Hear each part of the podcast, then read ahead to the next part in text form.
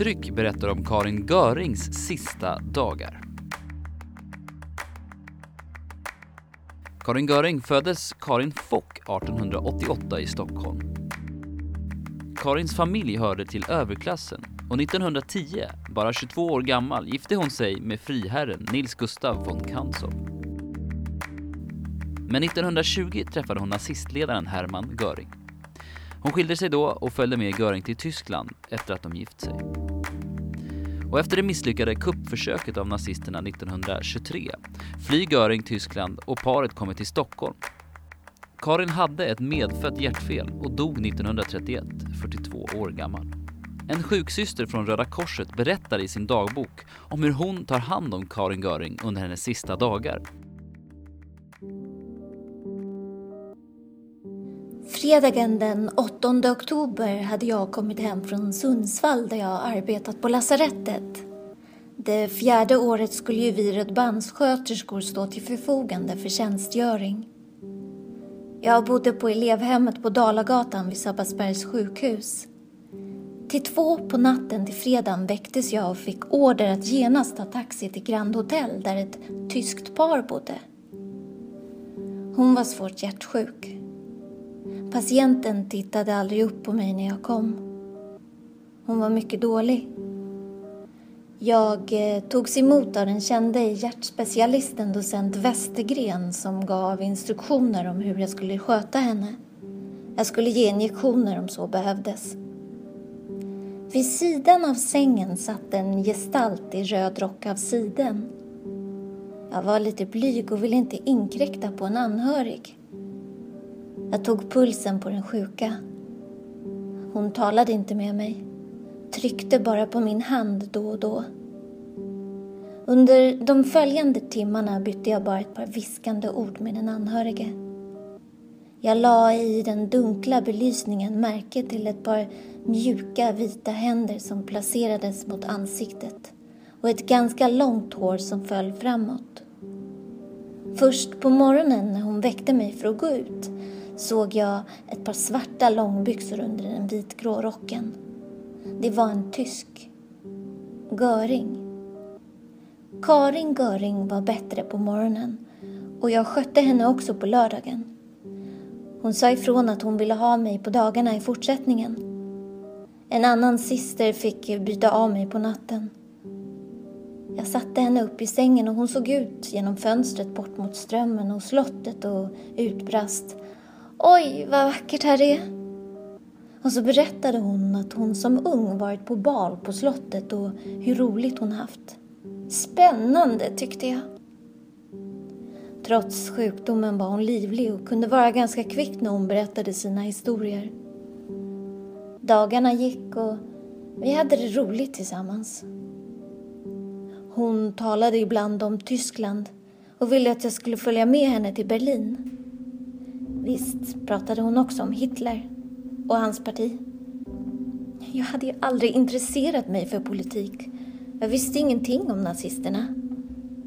Jag trodde att det var ett vanligt tyskt parti som ville komma in i riksdagen.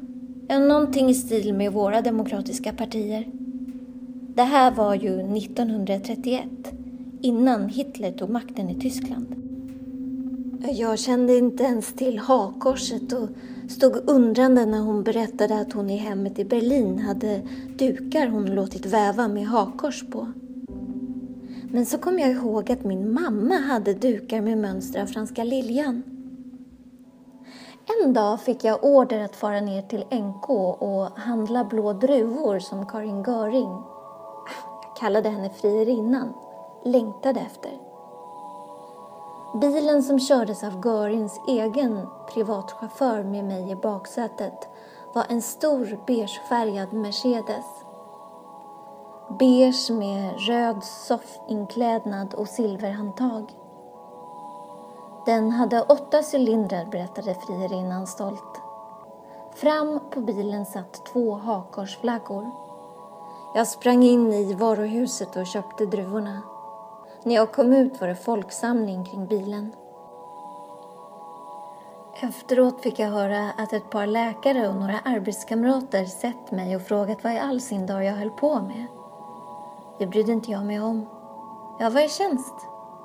Senare fick jag veta att det var Hitler som skänkt bilen till paret Göring. Jag kunde inte undgå att se att kapten Göring och hans hustru var mycket kära i varandra. Mot mig var han artig och vänlig, berättade om Tyskland och om första världskriget. Det var då han hade blivit svårt sårad och han visade mig ett jättestort ärr under bröstkorgen. Han menade att det måste intressera mig som operationssköterska. Jag förstod att det där såret måste vållat honom svåra plågor. Men att det gjort honom till missbrukare av narkotika fick jag inte reda på förrän långt senare. Mitt i veckan då jag kom till hotellet efter att ha hämtat saker på Röda Korset som jag behövde märkte jag att friherrinnan var nedstämd. Kapten Göring måste genast vara tillbaka till Tyskland, fick jag veta. Hitler hade telegraferat efter honom. Den 16 oktober skulle Hitler hålla ett stort tal i Berlin.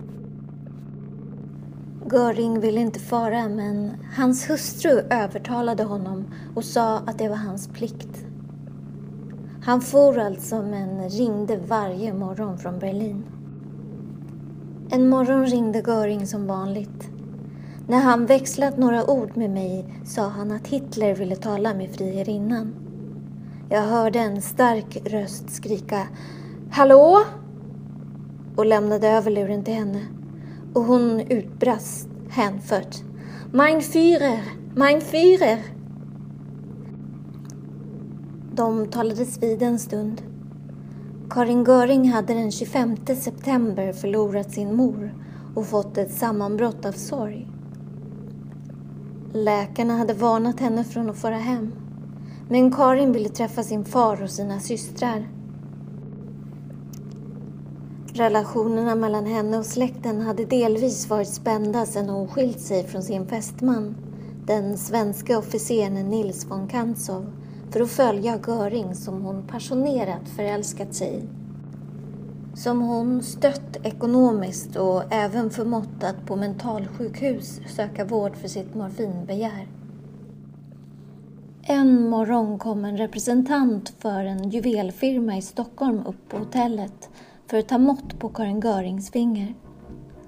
Hennes man hade beställt en ring med en stor pärla. Hon visade en annan ring som tillhörde frierinnan med tolv små pärlor på vitt guld. Ta mått på systerns finger också. Hon ska ha den. Jag försökte förklara att jag inte fick ta emot gåvor i tjänsten. Men den kunniga juveleraren sa Syster ska ta emot den när frierinnan är så vänlig. Har den i en kedja om halsen om syster inte får ha den på fingret, sa frierinnan.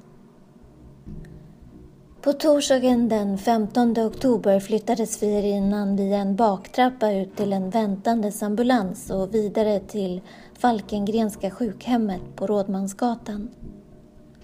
Möjligen låg hotellets ledning bakom.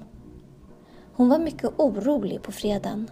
Ville att jag skulle sitta vid bädden och hålla hennes hand medan jag masserade hennes nacke. På kvällen när jag gick sa hon Förlåt att jag var så otålig idag. Men det tyckte jag inte att hon hade varit. Men ledsen.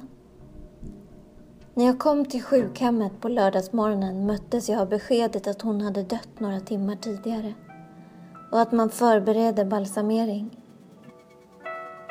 Jag blev mycket ledsen. Jag hade blivit fäst vid min patient och jag grämde mig för att tala om för kapten Göring när han ringde att hans fru var död. Kapten Göring skrek i telefonen i förvaring.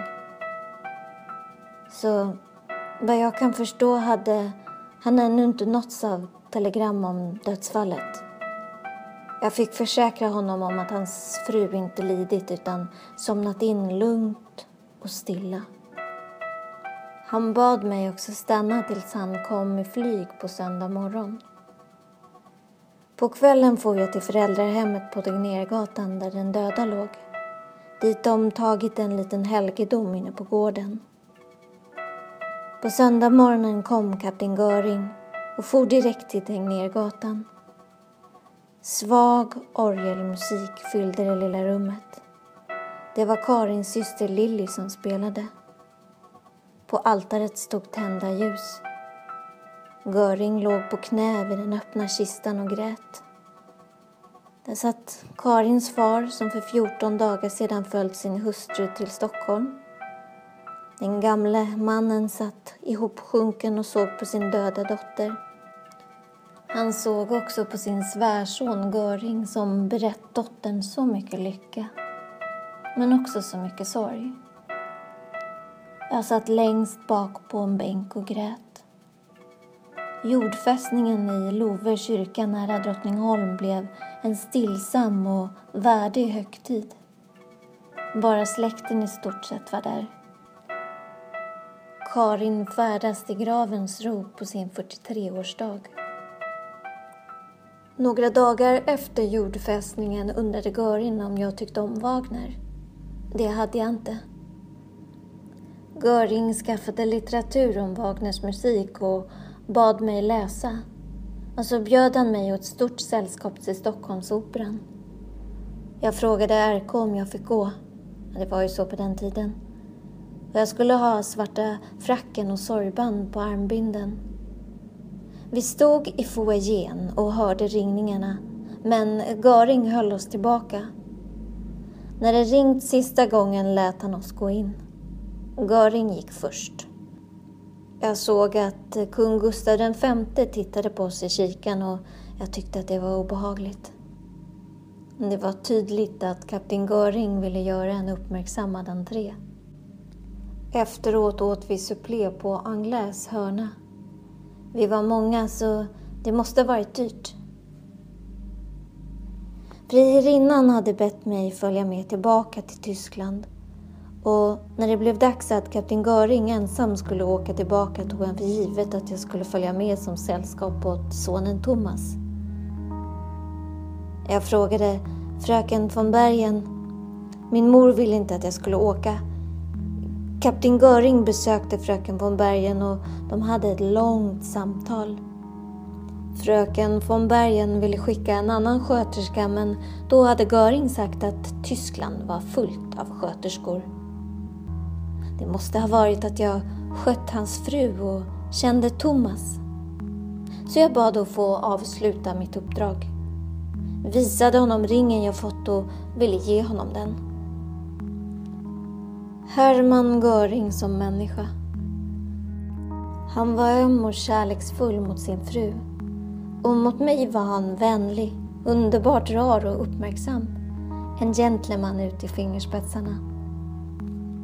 För mig har det varit en gåta hur han kunnat ställa till med allt hemskt som hände under kriget. Som minne fick jag av Göring två porträtt. Ett av Karin där han hade skrivit en vänlig rad i underkanten och det andra föreställde honom själv med dedikation i tacksamhet för min hustrus sista dagar. Porträtten hade jag länge framme som minne. Men när tyskarna tågade in i Polen 1939 åkte Hermann Göring ut. Allt var så ofattbart. Du har hört En sjuksysters dagbok om Karin Görings sista dagar i livet, läst av Carolina Hyllner. Fortsätt lyssna på Tryck för berättelser från periferin. Prenumerera via iTunes för att få det senaste avsnittet.